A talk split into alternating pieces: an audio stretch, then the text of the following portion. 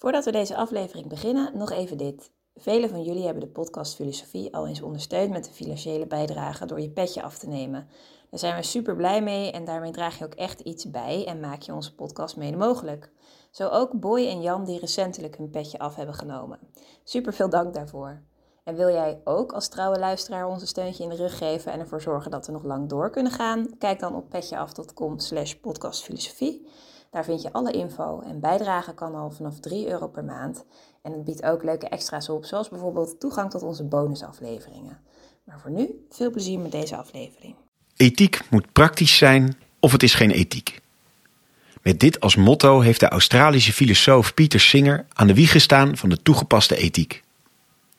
Wat is het verschil tussen hedonistisch utilisme en voorkeursutilisme? Wat bedoelt Singer met speciesisme en waarom is dat verkeerd? En waarom is hij een inspiratiebron voor de effective altruism beweging? Over deze vragen en nog veel meer gaan we de komende drie kwartier hebben. De gast is Lucas Optebeke, de denker die centraal staat, Singer.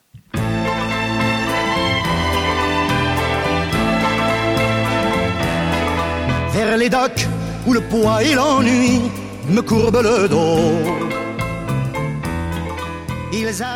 Dag, goed dat je weer luistert naar een nieuwe aflevering van de podcast Filosofie van het Centre Erasme, School voor Filosofie.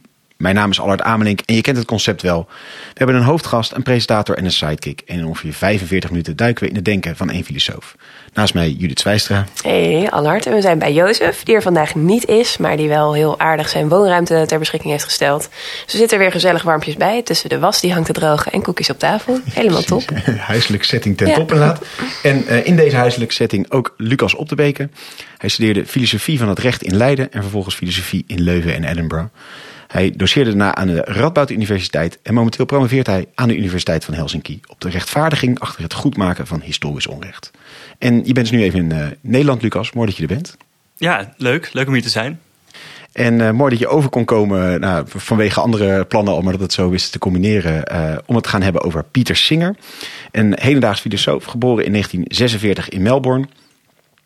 Singer studeerde recht, geschiedenis en filosofie. Singer studeerde recht, geschiedenis en filosofie in Melbourne. Hij won met zijn scriptie een beurs om in Oxford te gaan studeren. En hij doseerde vervolgens in Oxford, New York en Melbourne. Om vervolgens hoogleraar bioethiek aan Princeton University te worden. Zijn bekendste werk is Animal Liberation uit 1975. Een van de belangrijkste bouwstenen voor de dierenrechtenbeweging. En Lucas, was hij nou een van de eerste die dat thematiseerde? Waarom het zo'n bouwsteen geworden is van eh, eh, de dierenrechtenbeweging? Of ja, wist hij toevallig voor de eerste keer daar een groot publiek mee te bereiken? Wat voor plek neemt dat Animal Liberation in? Ik zou zeggen vooral het laatste, want het was wel, wel eerder eh, gethematiseerd. Ehm, hij is er daar ook heel duidelijk over dat hij niet de, de eerste is die, die deze dingen, deze gedachten op, op de agenda zet. Ehm, hij noemt bijvoorbeeld het werk Animal Machines van Ruth Harrison, dat in 1965 uitkwam. Dat voor hem een, eh, een sterke inspiratiebron was. Ehm, en ook veel verder terug noemt hij Jeremy Bentham eh, als, eh, als een denker die al eigenlijk met dezelfde problematiek worstelde. Maar hij, ja, hij is wel dus de eerste die dat echt op de kaart heeft gezet. En echt een heel groot publiek bereikte met zijn ideeën. Ja, en en wat, wat doet hij in dat werk? Hoe gaat hij te werk? Ehm, ja, we, kunnen het al over het, over het werk hebben. Ehm, dus het, eh, het werk is heel. Het boek is heel eh, duidelijk opgebouwd. Dus hij begint eigenlijk met een filosofische onderbouwing. Dat doet hij in het eerste hoofdstuk. Eh, daarna in zijn tweede hoofdstuk geeft hij voorbeelden van dierenmishandeling. Ehm, en in het tweede en derde hoofdstuk, zowel uit de bio-industrie en de dierproevenindustrie. En dan in het vierde hoofdstuk eh, ja, vertelt hij eigenlijk wat dan de, de conclusie is, eh, wat, wat ons praktisch te doen staat. Ehm, ja, en hij zet al meteen de toon in het voorwoord. Dus de eerste zin uit het voorwoord is wel interessant om hier eh, te noemen. Hij schrijft: Dit boek gaat over de tirannie van menselijke dieren over niet-menselijke dieren. Nou ja, dat is al meteen, eh, dan is het al meteen duidelijk wat hij. Wat de toon is, eh, Wat de toon is. wat hij gaat doen. Ja. Want hij zegt dus eigenlijk, er zijn gewoon verschillende varianten van dieren. Eh, werkt hij dat verder uit? Eh, de menselijke dieren en niet-menselijke dieren? Eh, en onderbouwt hij dat dan vooral biologisch of ook filosofisch? Zeker ook biologisch. Ehm, het, hij gaat in op de verschillende eh, ja, verschillende soorten dieren. En eh, hij rangschikt die op een gegeven moment. Maar het startpunt is wel dat, eh, wat nou de verschillende verschillen ook zijn, alle diersoorten zijn voor hem wel gelijk. En ja, het is, het is interessant om even te kijken naar die onderbouwing, hoe die, hoe die precies eh, luidt. Ehm, hij vertrekt eigenlijk van een hele, vanuit een hele slimme strategie.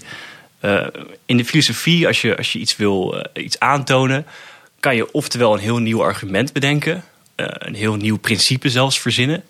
Of je kunt een bestaand principe gebruiken en dan laten zien dat jouw standpunt daar eigenlijk al uit volgt. Dat, dat, jouw standpunt daarin besloten ligt.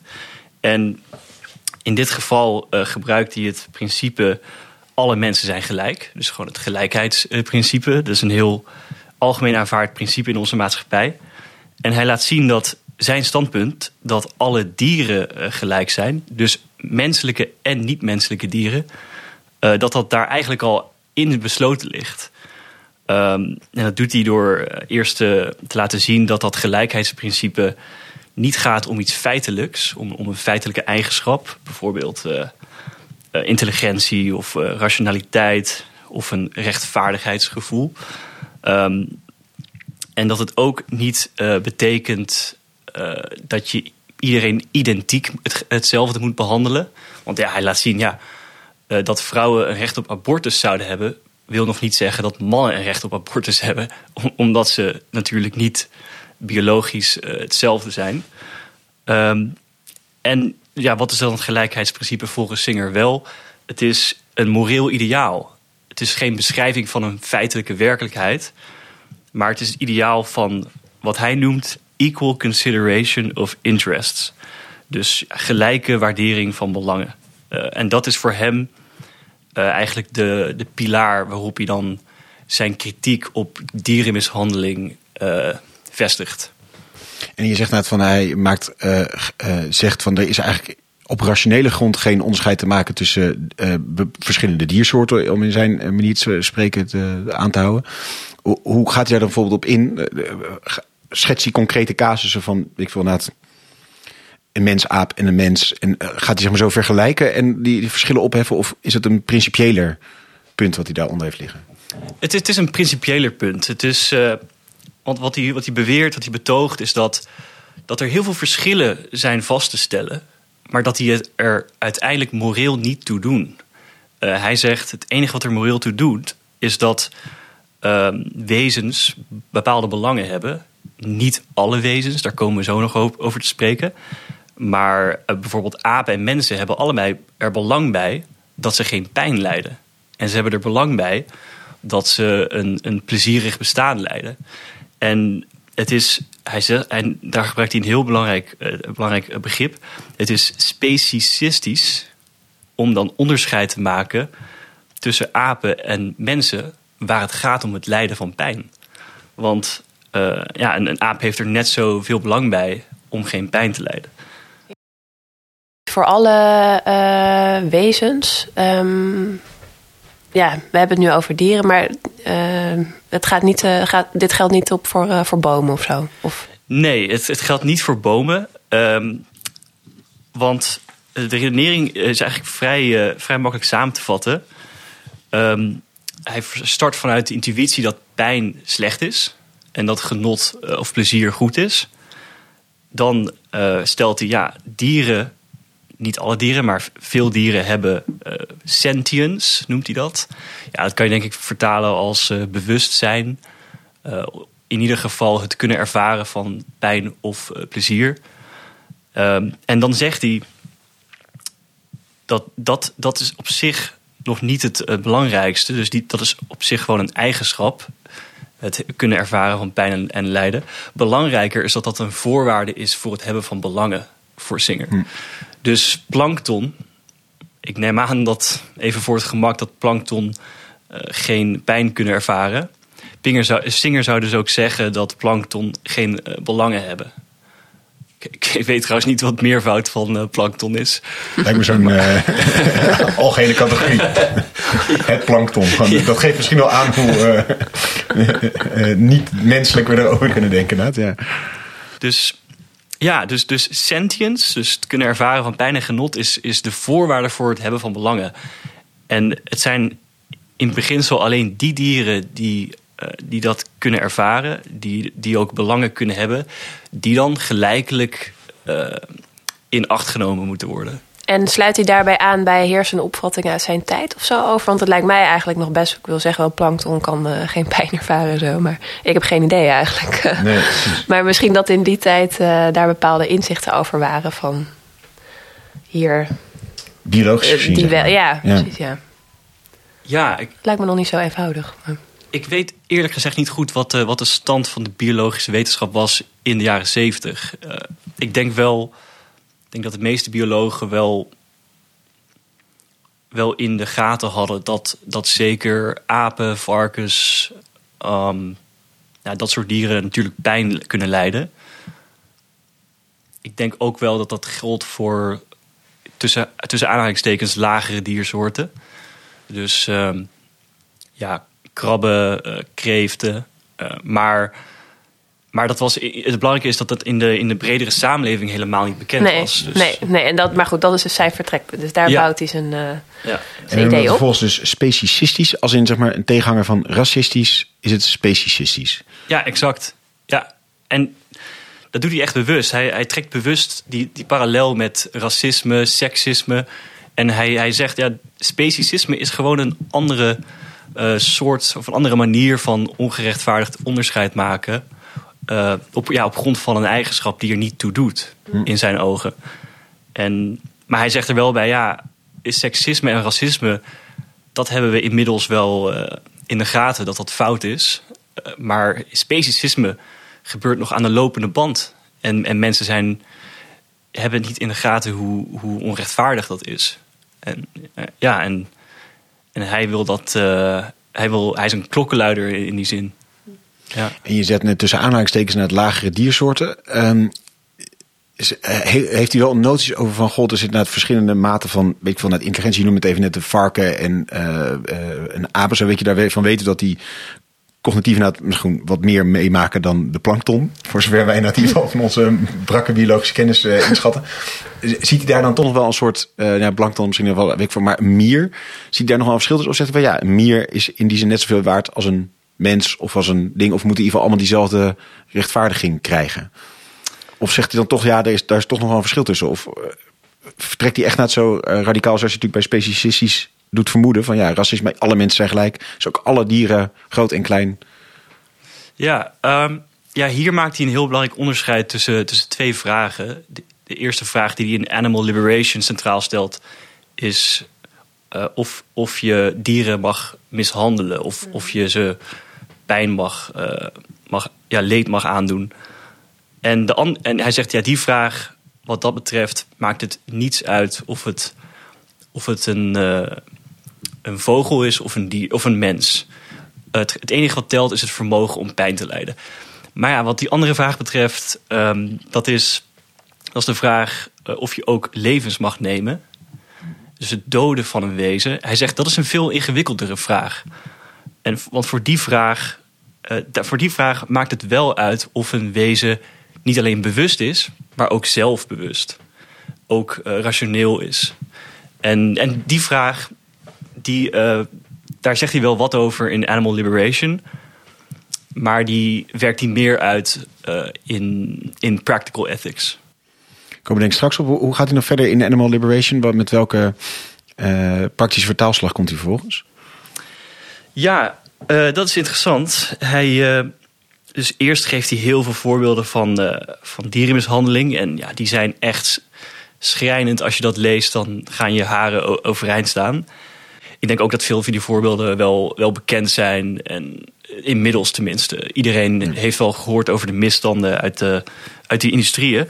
Maar hij zegt, ja, wat ons te doen staat... ten eerste ten aanzien van die, die dierproevenindustrie...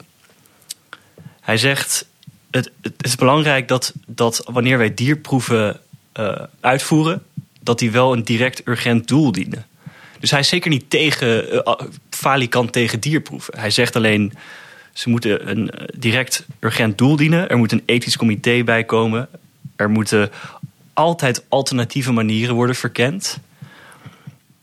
En eh, hij geeft eigenlijk als, als vuistregel dat je alleen maar moet gaan testen op een dier als je dat ook zou doen op een mens met zware hersenbeschadiging. Dat, dat geeft hij als eh, ja, soort van eh, guideline.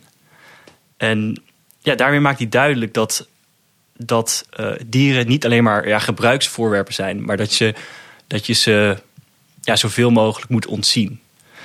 Dan wat, ja, wat, wat die. En hoe komt hij ja. bij die guideline uit? Want waarom is dat een goede toetssteen? Van dat die mensen met hersenbeschadiging, dat, dat, wat maakt dat dan tot het gelijke van een dierproef dier? Ja, dat is een goede toetssteen, eh, denkt hij, omdat, omdat wij ge- zo, bijna zo geprimed zijn. Eh, wij zijn in deze samenleving eh, worden wij zo opgevoed met het idee dat mensen een heel andere categorie eh, dieren zijn. Dat, dat, dat we mensen op een voetstuk plaatsen. Zij probeert onze gevoeligheid daar eigenlijk een beetje te eh, prikkelen. Van Ja. hou dat in voor ogen en dan, eh, dan Juist, ja. ben je, je iets respectvoller. Ja. ja. precies. Ja, ik denk dat het een manier is om te laten zien van... kijk eens, hier staat echt iets op het spel. Eh, dit is niet zomaar eh, dat je met een ding iets doet. Eh, dit is even erg, of dit is even eh, mogelijk ingrijpend... Als, als dat je een, iemand van onze soort, onze diersoort, zou gebruiken. Ja. Ja, ja. en dan, dan die bio-industrie. Daar, daarover zegt hij eh, wat meer. Ehm, eigenlijk zegt hij, dat is interessant. Hij zegt in theorie kun je nog altijd vlees eten en zuivel eten. In theorie. Als je zeker weet dat, het, dat die voedselproducten eh, niet uit de bio-industrie komen. Dus stel je, stel je, je, je leeft op het platteland en eh, ja, je, weet dat, je weet wie jouw dieren zijn of welk, waar die dieren staan, hoe ze behandeld worden. Dan kan je misschien nog wel eh, ermee wegkomen dat je, dat je vlees eet. Als je weet dat, dat ze pijnloos zijn, ver, zijn gedood. eh, als je weet, als het gaat om zuivel, dat, je weet dat, dat er geen kalveren zijn weggehaald bij de, bij de moeders, bij, bij de koeien. Ja, en hij, hij zegt, in beginsel kan dat dus, maar praktisch betekent het voor de meeste mensen leven in steden en halen hun, hun vlees en hun zuivel uit de bio-industrie. Dat komt door, door schaalvoordelen. Um, en hij zegt, ja, praktisch betekent dat dat we alle vlees- en zuivelproducten moeten boycotten. En dat we ook ja, andere mensen moeten aansporen tot boycotten. En, en dan noemt hij wat, hij gaat wat, op wat drogredenen en, en, en uitvluchten, excuses, uh, zou, hij zeggen. Dus bijvoorbeeld, uh, heel veel mensen zijn tegen stierenvechten in, in Spanje. Die vinden dat barbaars. Of het neerknuppelen van, van, van zeehonden. Ja, maar hij zegt ja, dat is even erg als wat er in de bio-industrie gebeurt. Dat is, het is hypocriet om, om wel om die stieren te geven, maar niet om die, om die varkens, omdat je ze niet ziet. Ja, dus hij gaat meerdere van die, van die drogredenen of tegenwerpingen langs inderdaad. En uh, vervolgens eigenlijk een heel duidelijk pleidooi van uh, in theorie moet het kunnen, praktijk kan het niet. Dus stop met zuivel, stop met vlees. En moedig ook anderen aan dus. Dat, ja. dat is ook een, een belangrijk element erin. Zeker, ja. Zit ja. er ook iets utilitaristisch in? in... Ja, dat, dat, zou je wel kunnen zeggen, ja. Het gaat uiteindelijk ook om uh, zoveel mogelijk mensen omkrijgen. Ja, en heeft ja. hij daar ook zeg maar zijn filosofische inspiratie uh, uitgehaald? Ziet hij zichzelf zo, zeg maar? Ja, hij uh, beschrijft zichzelf als uh, broadly utilitarian. Hm. Dus ja, grofweg utilistisch. Al zijn er wel heel veel nuances binnen het utilisme die, die van belang zijn.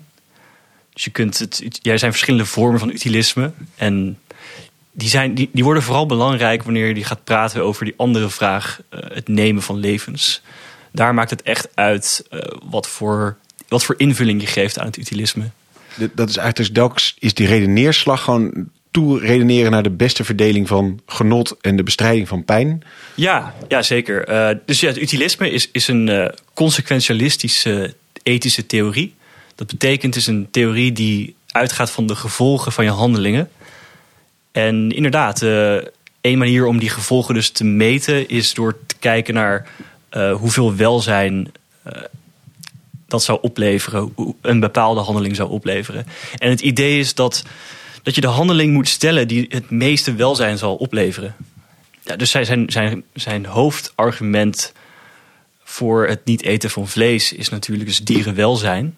Maar hij zegt wel, daar, je zou eraan kunnen toevoegen dat vlees ook gewoon onnodig is voor in, in een menselijk dieet en ook ongezond. Uh, tenminste in de mate dat veel mensen vlees eten.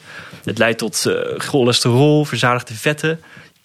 En een andere aanvullende reden is dat de bio-industrie ook heel erg vervuilend is, ook qua CO2-uitstoot. En, het, en ook een inefficiënte omgang is met natuurlijke grondstoffen. Ja. Je kunt veel meer eten verbouwen als je, dat, als je vegetarisch, als je plantaardig eh, eten verbouwt, dan als je dierlijk eten verbouwt. Dit ging allemaal over die vraag van hoe ga je het om met die natuur. Dit ging nog niet over die vraag van het nemen van een leven. Ja. Dat kwam dus net vervolgens in zijn werk uh, de Practical Ethics voorbij. Yes. Ja, Practical Ethics. Dus dat is een boek dat hij uh, vier jaar na Animal Liberation uh, schrijft. 1979. En hier vertrekt hij eigenlijk weer vanuit hetzelfde, principe. Het beginsel van gelijke waardering van uh, belangen. Van, van ieder wezen. Dus de aanpak is in principe hetzelfde. Het, wat wel verschilt is dat hij hier wat dieper ingaat op zijn uh, opvatting van ethiek. Dus hij begint het boek door te vertellen wat ethiek volgens hem niet is. En dan zegt hij ja, ethiek is niet wat God of de natuur ons opdraagt ethiek is ook niet uh, een reeks geboden en verboden. Het is niet iets dat verschilt van cultuur tot cultuur. Daar geeft hij trouwens allemaal argumenten voor. Het is ook geen kwestie van smaak. Wat is ethiek dan wel?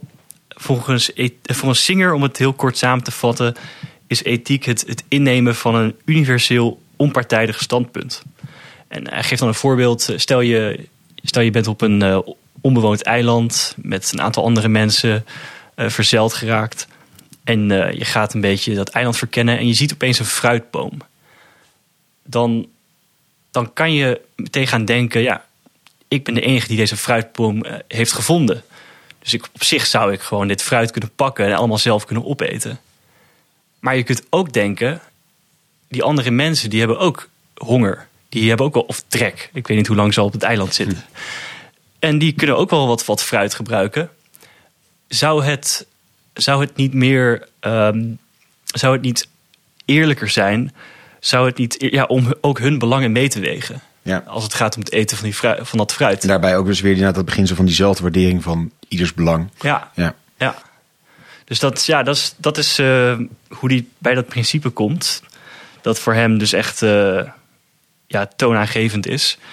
En ja, dan gaat hij door op die vraag: ja, mag je, mag je een, een leven nemen. En misschien nog één stap terug, ja. want dat is het universeel onpartijdig standpunt. Uh, vanuit uh, postmodernistische opvatting kun je op zijn minst. Uh, en gewoon praktisch kun je constateren dat op een hele hoop plekken mensen wel verschillend denken. Hoe, hoe laat hij dat of hoe, hoe beschouwt hij dat dan? Ja, dus hij zegt. aan de oppervlakte kan het lijken alsof er heel veel variatie is tussen verschillende ja, vormen van moraliteit. Maar hij zegt, als je dieper gaat, uh, gaat speuren, dan zie je dat het principe dat pijn slecht is, eigenlijk overal uh, geldt.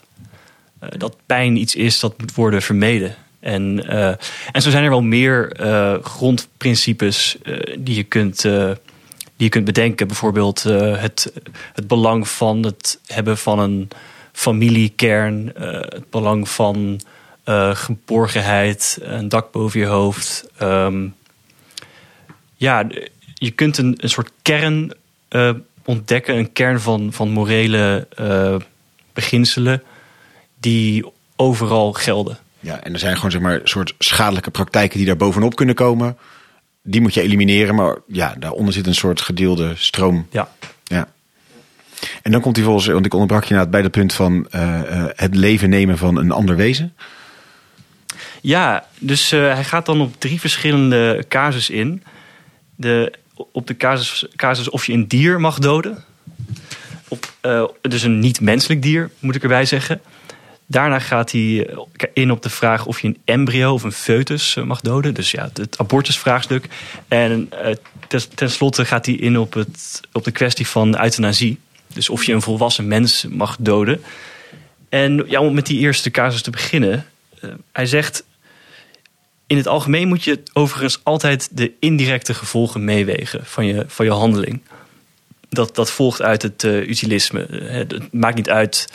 Uh, je moet proberen zoveel mogelijk gevolgen van je handelingen mee te wegen. En ja, hier komt, komen dus die verschillen tussen, tussen dieren naar boven. Om te beginnen, een onbewust dier, zegt hij, mag je doden. Mits er geen nadelige indirecte gevolgen zijn. Dus uh, ik weet het niet, als je alle plankton uit de wereld zou, ja, zou halen. Dan ja, sterven de walvissen. Dan sterven de walvissen, juist. En dat, dat, dat wil je niet.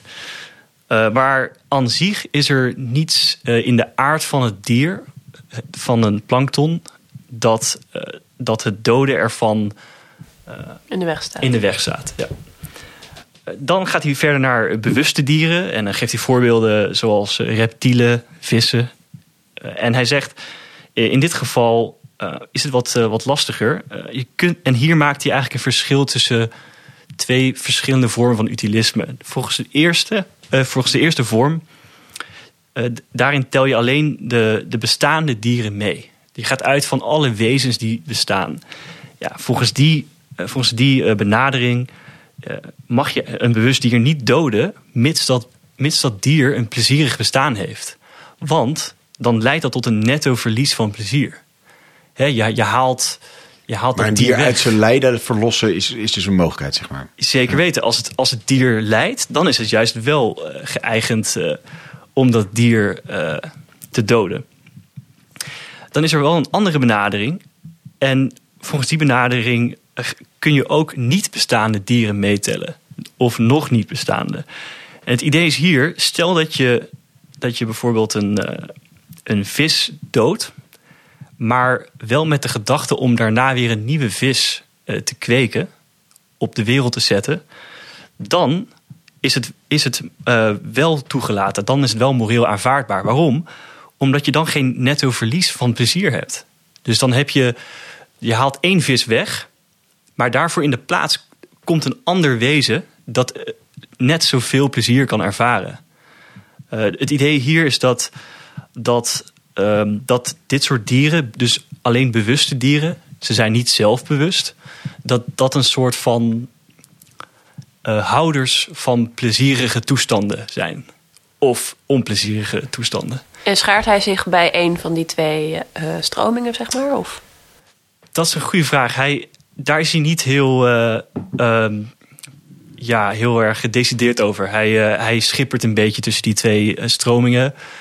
Um, want ze leiden allebei tot, tot intuïtieve problemen. Het is een, dit, uh, trouwens, deze twee benaderingen. Dus de, ene heet de, de prior existence view. De andere heet de total view. Die, uh, daar zitten heel veel paradoxen en filosofische problemen aan, vast.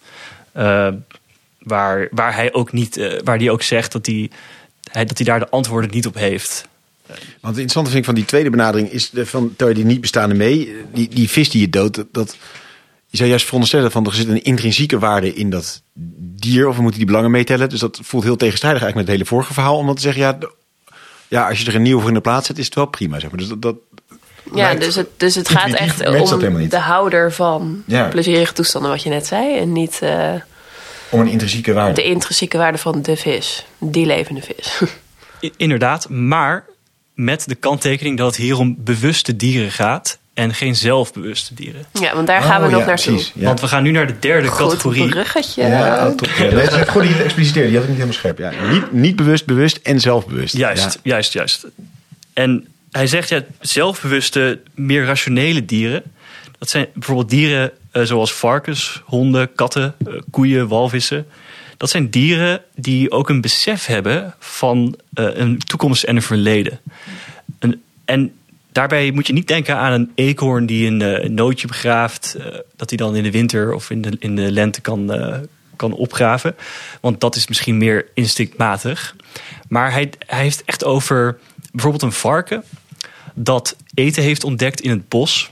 En dan op een gegeven moment, als hij trek krijgt, richting het bos waggelt. En dan merkt dat er een ander varken achter hem aan zit. En wat hij dan doet is, dit is geobserveerd trouwens, dan, dan neemt hij opeens een andere afslag. dan, dan gaat hij niet naar, dat, uh, naar die plek toe waar hij dat eten gevonden heeft of begraven heeft. Omdat hij weet dat er iemand achter hem zit. En ja, daar, daaruit blijkt dat, dat dieren ja, toch rationeel zijn. Uh, natuurlijk in mindere mate dan, uh, dan, dan mensen. Uh, en zo zijn er nog andere experimenten waar heel duidelijk uit blijkt dat, dat dieren ook een, ook een besef hebben van het idee dat ze voortleven. Dat ze, dat ze, uh, ja, dat ze voortbestaan, dat ze een toekomst hebben. Ze hebben ook herinneringen.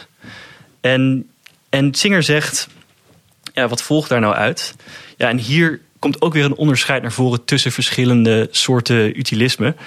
Volgens het hedonistisch utilisme, daar hebben we het eigenlijk een beetje over gehad al, mm -hmm. uh, is het van belang dat je, dat je toestanden van welzijn, uh, dat, je die, dat je daarvoor zorgt.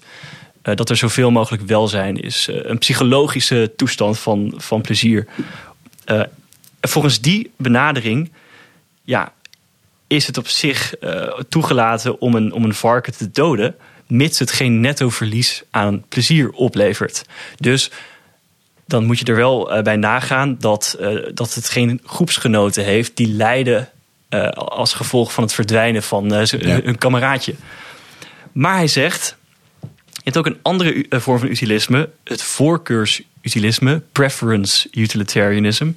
En dat is de, de, de vorm die, die Singer eigenlijk omarmt, waar, zijn, waar, zijn, waar zijn voorkeur naar uitgaat. Hij zegt, volgens deze, uh, volgens deze versie gaat het erom dat je zoveel mogelijk voorkeuren in vervulling laat gaan. Het gaat dus er niet om, niet om iets psychologisch, maar echt om, om een, ja, een objectieve voorkeur die een wezen heeft. En ja, wat hieruit volgt, uit deze, uit deze theorie, is dat het wel uh, moreel problematisch is om een varken om het leven te brengen. Waarom?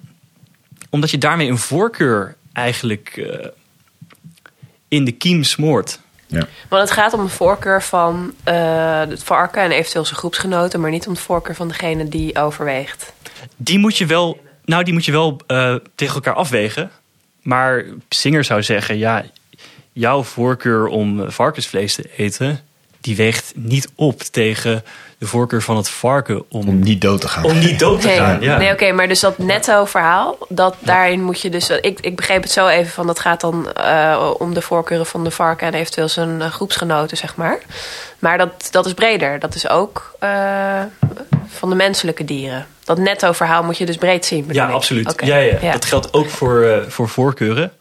Dat, het, uiteindelijk moet je het nog altijd inderdaad aggregeren... of um, samen tellen. Al die verschillende voorkeuren die in het geding zijn. Uh, maar het idee is, en hij zegt wel daarbij dat, dat het hebben van zo'n voorkeur iets gradueels is. Hè? Dus dat, en dat komt omdat het hebben van een besef van de toekomst en de verleden, het verleden ook iets gradueels is. Dus sommige diersoorten hebben dat nu eenmaal in veel verregaandere mate dan, dan andere. En dan, ja, mensen hebben natuurlijk een heel sterk besef van de toekomst, een biografisch uh, idee. Dat ze, wij zien ons leven als een boek met uh, ongeschreven, hoofdstukken. En daarom is het ook zo erg als je een mens, uh, ik moet, er, moet daarbij zeggen, een, een, een zelfbewust, rationeel mens om het leven legt. Om... Je legt alvast een bruggetje naar het vervolg, denk ik. Ja, ja, precies. ja, precies. Omdat je daarmee ja, een, een hoofdstuk eigenlijk uh, ja, doorkruist. Je, en, en in die zin is dus een, uh, het leven is een zelfbewust rationeel dier niet inwisselbaar. Terwijl een bewust dier dat veel meer is. Ja. Dat is een belangrijk uh, onderscheid. Ja, en daarom, ja, daarom concludeert Singer dus uh, zelfbewuste dieren, uh, honden, varkens, katten, mag je niet doden. ja, mag je niet doden omdat je daarmee um, een voorkeur. ja, tenzij ze lijden. Dat is eigenlijk een punt dat ter sprake komt bij de euthanasie, het euthanasieverhaal. wat, wat nou als je daarmee, als je leed wil vermijden? Als het gaat om euthanasie heb je natuurlijk verschillende gevallen, verschillende soorten euthanasie. en één soort die hij bespreekt is, is het geval van onvrijwillige euthanasie. En dat is eigenlijk, hij zegt er zelf dat dat eigenlijk iets heel geks is. Dat gebeurt niet zo vaak. Eh, dat is een geval waarin iemand niet instemt met euthanasie, terwijl de persoon die die euthanasie wil plegen wel goede bedoelingen heeft, want die wil eh, die persoon uit zijn lijden verlossen of die wil vermijden dat die persoon lijdt. Maar hij zegt, eh, dit zijn vrij uitzonderlijke gevallen, want in de meeste gevallen van euthanasie is er wel sprake van instemming of is er überhaupt geen mogelijkheid tot instemming, omdat het gaat om een mens die, die niet langer eh, bewust is of zelfbewust. Ja, misschien om eerst te beginnen met eh, die vrijwillige euthanasie. Ja, daar is, daar is Singer vrij duidelijk over. Het, als die persoon een voorkeur heeft en die duidelijk heeft gemaakt... en als het gaat om een duurzame voorkeur... dat moet natuurlijk wel getest worden, door, misschien door een arts. Maar eh, tenslotte, als, als iemand toch echt zo- zo'n voorkeur heeft... dan moet je die voorkeur respecteren. En dan eh, is euthanasie gerechtvaardigd. Eh, je zou ook vanuit hedonistisch, utilistische gronden kunnen eh, betogen dat eh, wanneer iemand lijdt, eh, dat het goed is om aan dat lijden een, een eind te maken. Ja, de netto score wordt dan beter. Ja, inderdaad. Ja. Dan moet je natuurlijk wel weer de indirecte gevolgen eh, meewegen. Hè? Hoe zouden de naasten dat vinden enzovoorts. Dan ja, niet vrijwillige euthanasie, dat is eh, misschien wat ingewikkelder. Als het, als het gaat om een eh, niet bewust mens, dus denk aan eh, iemand die hersendood is. Ja, daar is het simpel, dan, daar mag dat. Weer al, natuurlijk, stel er is een hele rijke familie die, die, en die hebben genoeg middelen om, om een familielid in leven te houden. Dus biologisch in leven te houden. Ja, dan is daar op zich ook niks op tegen. eh, als, zij, als zij daar middelen aan willen besteden. Maar het is niet moreel ongerechtvaardigd om eh euthanasie te plegen in dat geval. Omdat, eh, omdat die mens. omdat die mens niet kan lijden. Omdat die. en ook geen voorkeur heeft. Nee. En ook geen belang erbij heeft om voor te bestaan. Die persoon heeft geen projecten meer. eh, Geen zicht op nieuwe hoofdstukken. Nee, inderdaad. Maar ja, wat doe je dan met iemand die wel eh, bewust is, maar niet zelfbewust?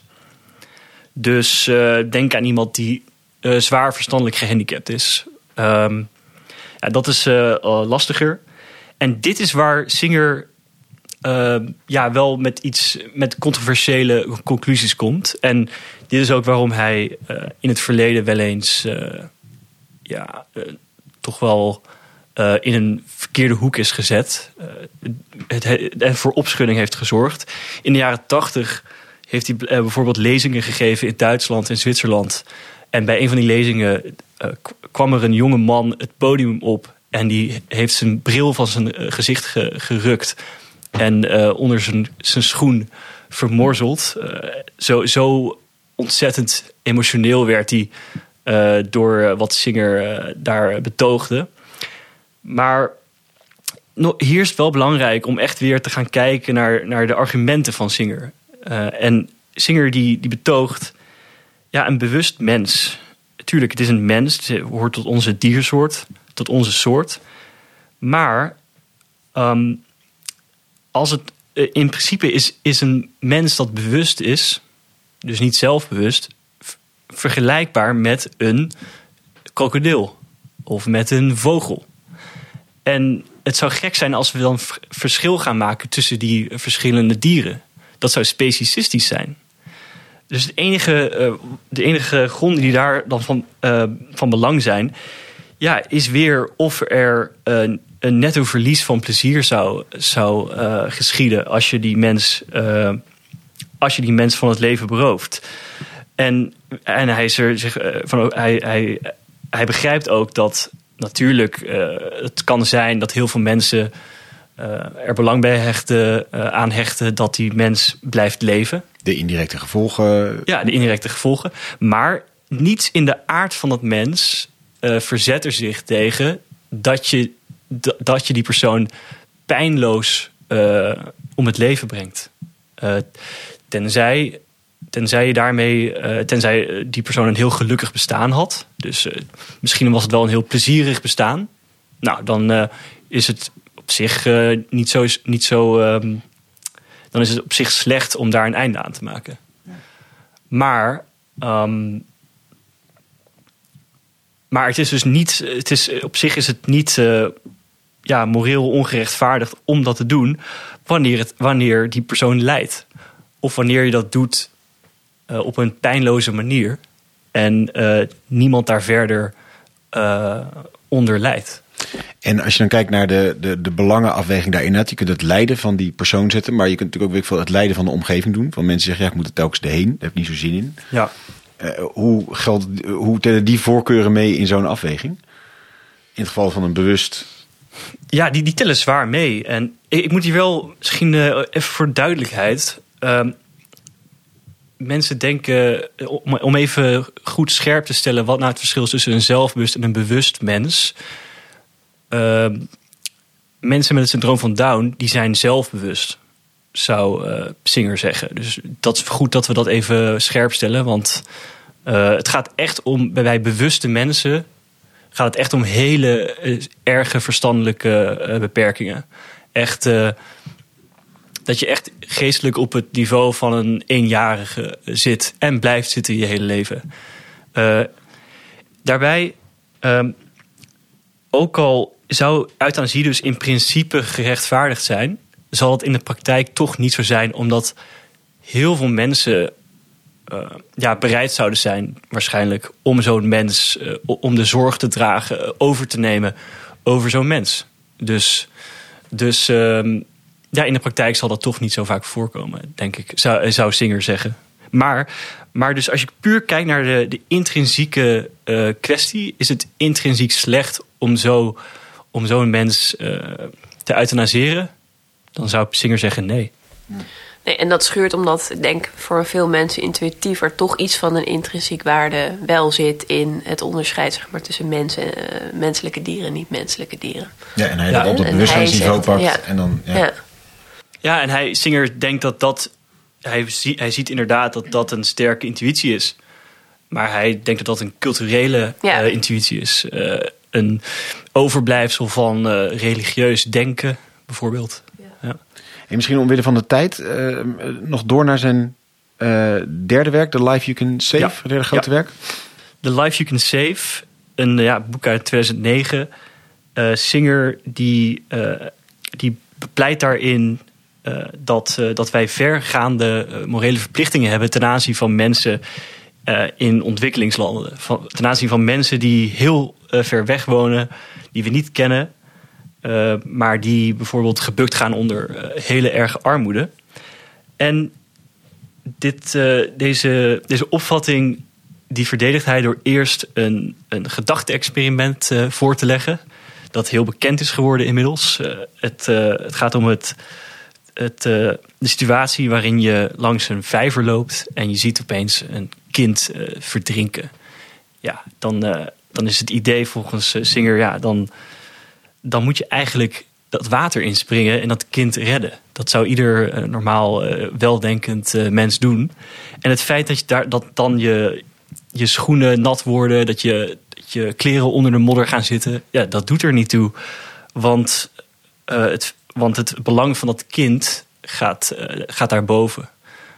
en hij zegt, en, en vervolgens giet hij dat eigenlijk in een argument. Dus hij destilleert een, een argument uit, die, uit dat experiment. Het argument gaat eigenlijk ongeveer zo. Uh, het bestaat uit uh, drie premissen en een conclusie. De eerste is: als je iets slechts kunt verbeteren zonder iets van vergelijkbaar belang te hoeven opgeven, moet je dat doen. De tweede is ja, vrij simpel: absolute armoede is iets slecht. En dan de derde luidt: eh, we kunnen iets van absolute uh, armoede doen verdwijnen zonder iets van vergelijkbaar belang te hoeven opgeven. En dat leidt hen tot de conclusie dat wij de plicht hebben om dat te doen. Bijvoorbeeld door geld te doneren aan een, uh, aan een liefdadigheidsorganisatie. En ja, dit argument ja, is voor Singer genoeg om, om te concluderen dat, je, dat wij, dat, dat uh, mensen in westerse landen verregaande verplichtingen hebben ten aanzien van mensen in, uh, in uh, ja, landen die heel erg laag staan in de Human Development Index. En hij zegt, ja, de, de, reden dat we dat dan toch niet doen, er is nog altijd, er wordt nog altijd te weinig gedoneerd eh, naar zingers eh, smaak. Die redenen die, die, gaan, ehm, die zijn niet te herleiden tot morele redenen, maar puur tot psychologische redenen. Eh, psychologische factoren. Bijvoorbeeld dat ze heel ver weg zijn, die mensen. Eh, het kind in die vijver, ja, die, dat zien we. We zien dat kind. eh, haar, we zien het kind spartelen. Daardoor hebben we meteen sympathie voor dat kind. Dus het is ook het feit die mensen die in hele arme landen leven, die, die zijn ook onbekend. Eh, maar Singer zegt, ja, dat zijn geen goede redenen om het alsnog niet te doen. Dat zijn geen goede redenen om geen geld te geven aan liefdadigheidsorganisaties. Dan gaat hij nog in op, eh, op een aantal tegenwerpingen. Ja, eentje is dat het simpelweg te veel eisend is. Om van mensen te verwachten dat ze ja, mensen die ze nog nooit gezien hebben, ehm, die, waar ze mee ze niet dagelijks in aanraking komen, dat ze die zo gaan helpen. Eh, en eh, een, een vorm van deze tegenwerping is, ehm, is dat het ook tot een heel eendimensionaal leven zou leiden. Eh, We kunnen niet ons hele leven leiden op een manier dat we zoveel mogelijk goede dingen doen. Zo, zoveel mogelijk leed kunnen vermijden. We, hebben, we hebben ook andere voorkeuren. We hebben andere wensen naar, naar, de, naar theater gaan, naar de film gaan, eh, sport doen enzovoorts. En ze- een andere vorm van, van deze veel tegenwerping. Dat we ook onze familie en onze naasten. Dat, dat we willen partijdig zijn ten Ja. aanzien van deze mensen. Dat hoort bij ons mens zijn. Ja, dat niet iedereen, voor ons niet iedereen gelijk is. Juist, Ja. juist. En, maar Singer zegt, ja, dit, eh, dat, dit is ook niet overtuigend. Want je hoeft echt niet je hele leven in het teken te stellen van het doneren van geld. Je kunt altijd nog andere dingen doen. Maar misschien zegt hij ook van dat zijn allemaal psychologische eh, verklaringen, maar moreel gezien of ethisch gezien doet het er niet, doet het er niet toe. Ja, dat zegt hij uiteindelijk inderdaad. Eh, uiteindelijk zegt hij overleven is van zwaarder moreel belang dan naar de film gaan. Dan geld hebben om nieuwe kleren te kopen. En hij is wel, moet, moet ik zeggen, hij is wel eh, praktisch of eh, hij heeft wel wat eh, realiteitszin. Want hij, hij, hij zegt wel dat, dat hij voor een progressieve schaal zou zijn. waarbij de, de 90% laagste verdieners niet meer dan 5% van hun inkomen zouden hoeven afstaan. Dus dat is, hij zegt ja, 5%, kom op, dat kan iedereen. Dat is, dan kun je zelfs nog nieuwe kleren kopen. En hij zegt ja, dan, dat zou anderhalf biljoen dollar, biljoen dollar per jaar opleveren. Dus ja, het gaat om enorme getallen. Wat ik me een beetje afvraag als we, eh, niet om, eh, om, je, om te interrumperen, maar wat ik een beetje afvraag als we dit zo bespreken en eh, die verschillende werken langs gaan. Eh, ziet hij zichzelf als ethicus of is hij heel erg begaan met sociaal onrecht in de wereld of, of met dierenleven? Weet je iets over hoe hij tot dit soort, tot zijn thema's komt, zeg maar? Wat, wat zit er eh, qua drijfveer achter? Of- Ja, ja. Ehm, ja, Singer, hij is heel activistisch. Ik denk dat hij een hele activistische inborst heeft. Hij, eh, natuurlijk geeft hij om deze dingen. eh, maar tegelijkertijd eh, gaat het hem niet om, om eh, de sentimentele eh, dimensie. Hij, hij blijft, hij denkt in eerste instantie echt dat het rationeel eh, gerechtvaardigd kan worden. Dat het volgt uit objectieve, rationele principes. Ja, en dat is misschien die metervraag of niet. Van, van waarom dat activistische, dat hebben misschien meer mensen, maar die behoefte om dat activistische met dat rationalistische In te combineren. Ja, Ja. dat is gewoon een interessante combi. Het is inderdaad, omdat het een gekke vorm van pleidooi is. Want het is juist, ja, omdat je, je, vervaagt bepaalde bestaande eh, gevoelswaarden om een appel te doen tot juist meer voor anderen te doen. Dus eh, is, is er iets inderdaad op dat snijvlak wat hem aanzet? Ja, nee, het is een interessante combi inderdaad. eh, Want we, ja, de meeste filosofen zijn niet zo activistisch. En eh, de meeste die, die blijven in hun ivoren toren. Maar ja, ja Singer... Ja, ik denk dat, dat hij, ze, hij ziet die dingen als complementair, denk ik. Door, juist doordat je heel stevig staat... als het gaat om je, je rationele rechtvaardiging, je, je onderbouwing, juist dan kun je, kun je ja, met, met, met de volste zekerheid uh, acties ondernemen. Ja, dat denk ik. Ja. ja, en zet dat mensen uiteindelijk in beweging? Want dat is misschien de, de gevoelsmatige vraag die ik zelf bij heb. Van de, dat dat uh, zo'n onderbouwing is. Ja, goh, inderdaad, zeg, goh, dat is wel nou ja, interessante gedachtegang. Maar eh, komen de mensen makkelijk door in beweging? Of, of heb je dan een andere vorm van appel nodig ook? Wat gaat hij daarop in, zeg maar, ook van, uh, zo van rationele route is de route om dit in gang te zetten? Ja, ik bedoel, dat is het hele project, dus ik, ik, hoop dat hij dat denkt, maar dat... Ik, ja, hij, hij maakt wel een onderscheid tussen, tussen twee niveaus van, van ethiek, van utilistische ethiek. En hij, hij is er zich ervan bewust dat veel mensen um, geen, geen behoefte hebben aan die hele uh, zorgvuldige onderbouwing. Aan die hele diepgaande rationalistische onderbouwing. En dat, dat het voor veel mensen genoeg is om bepaalde algemene uh, vuistregels uh, te bedenken en die te volgen. Dus ja, ik, ik, denk dat dat heel erg ligt aan het soort mens. Uh, sommige mensen die zijn. Die worden meer gedreven door hun, door hun empathie, door hun sentimenten. En andere mensen hebben juist echt heel erg behoefte aan die, aan die, die rationele verankering, die rationele um, onderbouwing. Ja. ja. Grappig, dankjewel Lucas. Volgens mij een ontzettend interessant verhaal, omdat het echt een complete outlier is in wat uh, misschien wel de grootste outlier. Allard, Allard kijkt nu vragend naar mij, even ja, voor de luisteraars. Ja, ik, ja goh. Nou, een outlier is het zeker. Ja, ja heel interessant, maar wel goed. En een heel uh, boeiend project van uh, Pieter Singer. Um, en we begonnen met het boek eh, Animal Liberation. Iets een, een thema dierenrecht waar hij niet als eerste over schrijft, maar wel ja, de grote filosofische onderbouwing levert voor, uh, voor dierenmishandeling. Uh, om dat tegen te gaan. Daar gaat het namelijk in eerste instantie over. Hij gaat, heeft het over dierproeven en bio-industrie. En ja, het voorwoord begint al sterk met van ja, er is een tirannie van menselijke dieren over niet-menselijke dieren. En wat zegt hij? Nou, alle diersoorten zijn gelijk. En uh, ja, dus moeten we gaan kijken welke uh, principes liggen daaronder. Uh, hij bouwt het op aan een bestaand principe. Alle mensen zijn gelijk. Ja, hij zegt eigenlijk alle dieren zijn gelijk, volgt daaruit. Dat betekent niet dat ze allemaal exact hetzelfde zijn, maar dat er een moreel ideaal is waarin we een gelijkwaardigheid van hun aller belangen zien. Straks zullen we zien dat het naar verschillende bewustzijnsniveaus onderscheid maakt. Maar moreel doen dus de verschillen daar niet, er niet toe. Ze hebben allemaal belangen en die belangen zijn uh, utilistisch uh, het verminderen van pijn en het uh, bevorderen van genot. En zeker de dieren die dus dingen kunnen ervaren, ja, hebben er gewoon belang bij dat hun genot wordt versterkt en hun pijn wordt verminderd. En hij zegt, Singer, als je daar nou onderscheid in maakt, dan is dat specicistisch, als tegenhangers van racistisch. Hey, het is een ongerechtvaardigd onderscheid maken tussen verschillende soorten. Zijn vraag die hij dus probeert te beantwoorden in Animal Liberation is: van, ja, mag je leed veroorzaken? En uh, daarbij is het vermogen om pijn te lijden voor hem leidend. Um, dat hele thema van het doden van een wezen komt dus bij uh, een later werk ter sprake.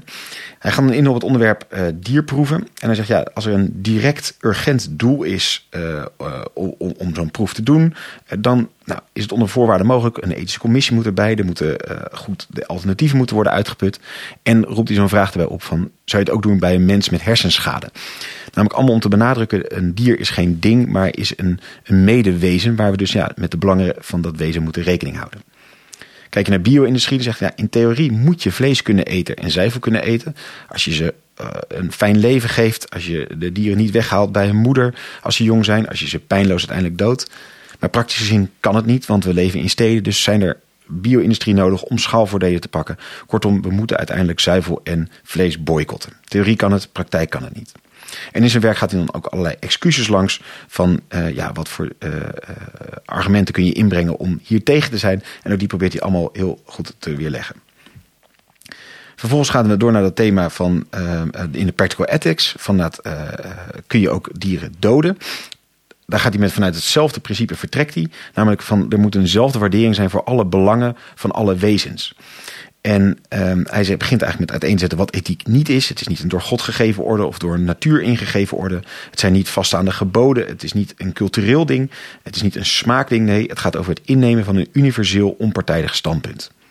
Waarom dan toch verschillen tussen culturen? Hij zegt dat is ogenschijnlijk. Uiteindelijk zitten daar toch allemaal vergelijkbare principes onder. En dan gaat er vervolgens over drie ja, thema's eigenlijk langs van het nemen van levens van wezens. En uh, allereerst het doden van een dier. En dan komt hij met het onderscheid tussen niet-bewuste dieren, uh, zoals het plankton. Nou, dat uh, mag je doden. Daar is in principe moreel geen bezwaar tegen. Waar het niet dat vanuit zijn utilisme het ook heel belangrijk is om de indirecte effecten te berekenen. Dus is er een indirect effect van het doden van alle plankton? Ja, want dan kunnen de walvissen bijvoorbeeld niet meer eten. Stap daarboven heb je de bewuste dieren. Um, en uh, dan heb je eigenlijk een beetje twee scholen. Tel je daarin alle bestaande wezens mee. Um, enkel de bestaande. Dan uh, uh, ja, heb je een andere benadering als je zegt: ook ik tel alle niet bestaande mee. Bij de bewuste dieren zegt hij: ja, als je die niet bestaande dieren meetelt, zou je een kweekvis bijvoorbeeld kunnen hebben die in de plaats komt van een bestaande vis. Je doodt de een, er komt een andere voor in de plek. Dat zou dan eventueel te rechtvaardigen zijn. Heel anders is het bij de zelfbewuste dieren die een rationele slag hebben en ook een bewustzijn van toekomst en verleden. Uh, iets anders dan instinct, maar echt een, een soort ja, enige vorm van uh, uh, kennis van hun eigen situatie waarin ze zitten. Um, en ook daarvoor zitten die twee scholen. Een hedonistisch utilisme, waarin het gaat over ja, zoveel mogelijk welzijn op een totale schaal. Zowel de directe kant als de indirecte kant. Als het voorkeursutilisme, waarin het gaat van het zoveel mogelijk voorkeuren in vervulling laten gaan. En hij zegt, vanuit dat tweede perspectief is het gewoon uh, ja, zeer problematisch om een zelfbewust dier te doden. Want dat dier zal een voorkeur hebben om door te leven. En ja, dat is gewoon dus een, het afnemen van het voorkeur van een dier. En waarom zou mijn voorkeur om het dier te doden zwaarder wegen dan het zeer zwaarwegende voorkeur van het varken om door te leven?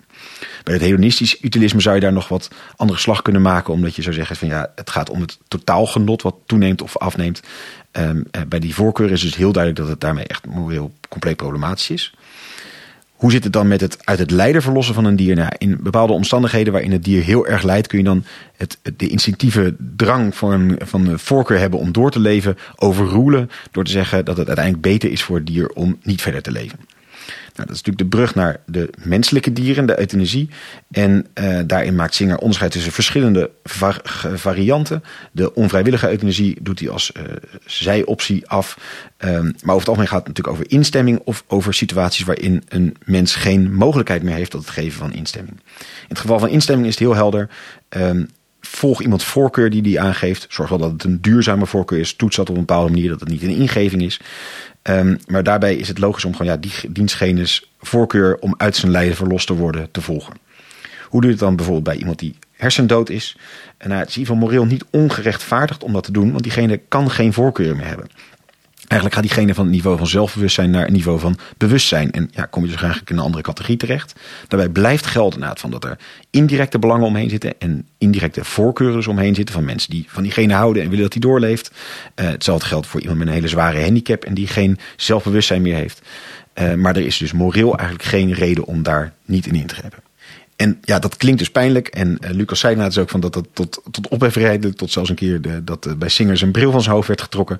Uh, maar ja, Singer zegt het is specisistisch om nou, dan eigenlijk een onderscheid te maken tussen iemand die hersendood is en iemand en een lagere, tussen aanhalingstekens, diersoort die alleen bewust is en niet zelfbewust. Um, kortom, er is moreel eigenlijk geen fundamentele grond laat niet weg dat je dan in alle gevallen dat altijd een goed idee is. Sterker nog zegt hij, in praktijk zie je heel vaak natuurlijk dat dat niet wordt gedaan en geen euthanasie wordt gedaan. Tot slot hebben we het over een derde groot werk gehad, The Life You Can Save. Uh, de vergaande plicht die we hebben ten opzichte van andere mensen, waar ook ter wereld. En dat begint met het gedachte-experiment van het verdrinkende kind in de vijver. En um, daar zegt hij, ja, er is natuurlijk geen argument te bedenken om dat kind daar niet uit te redden. En al helemaal niet omdat je weet van net nieuwe kleren aan hebt.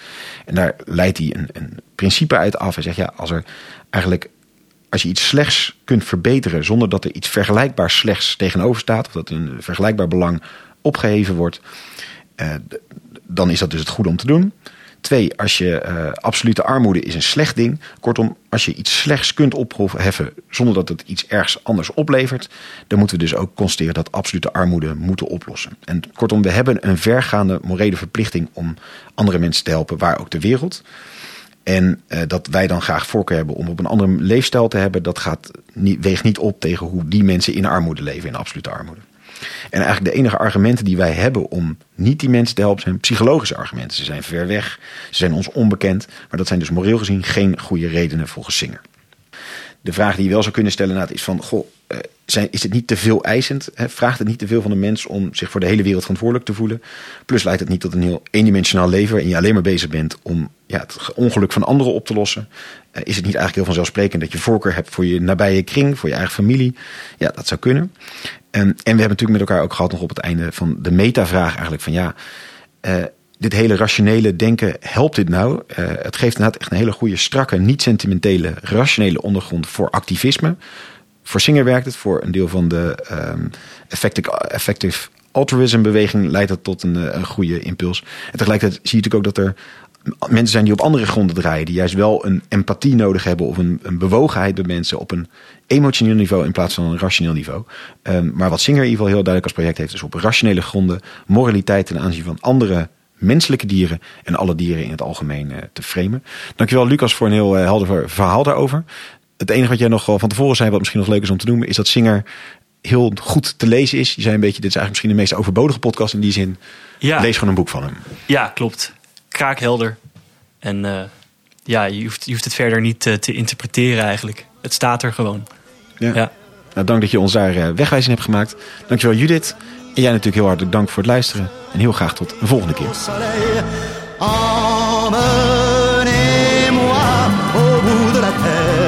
Emmenez-moi au de pays des merveilles. Il me semble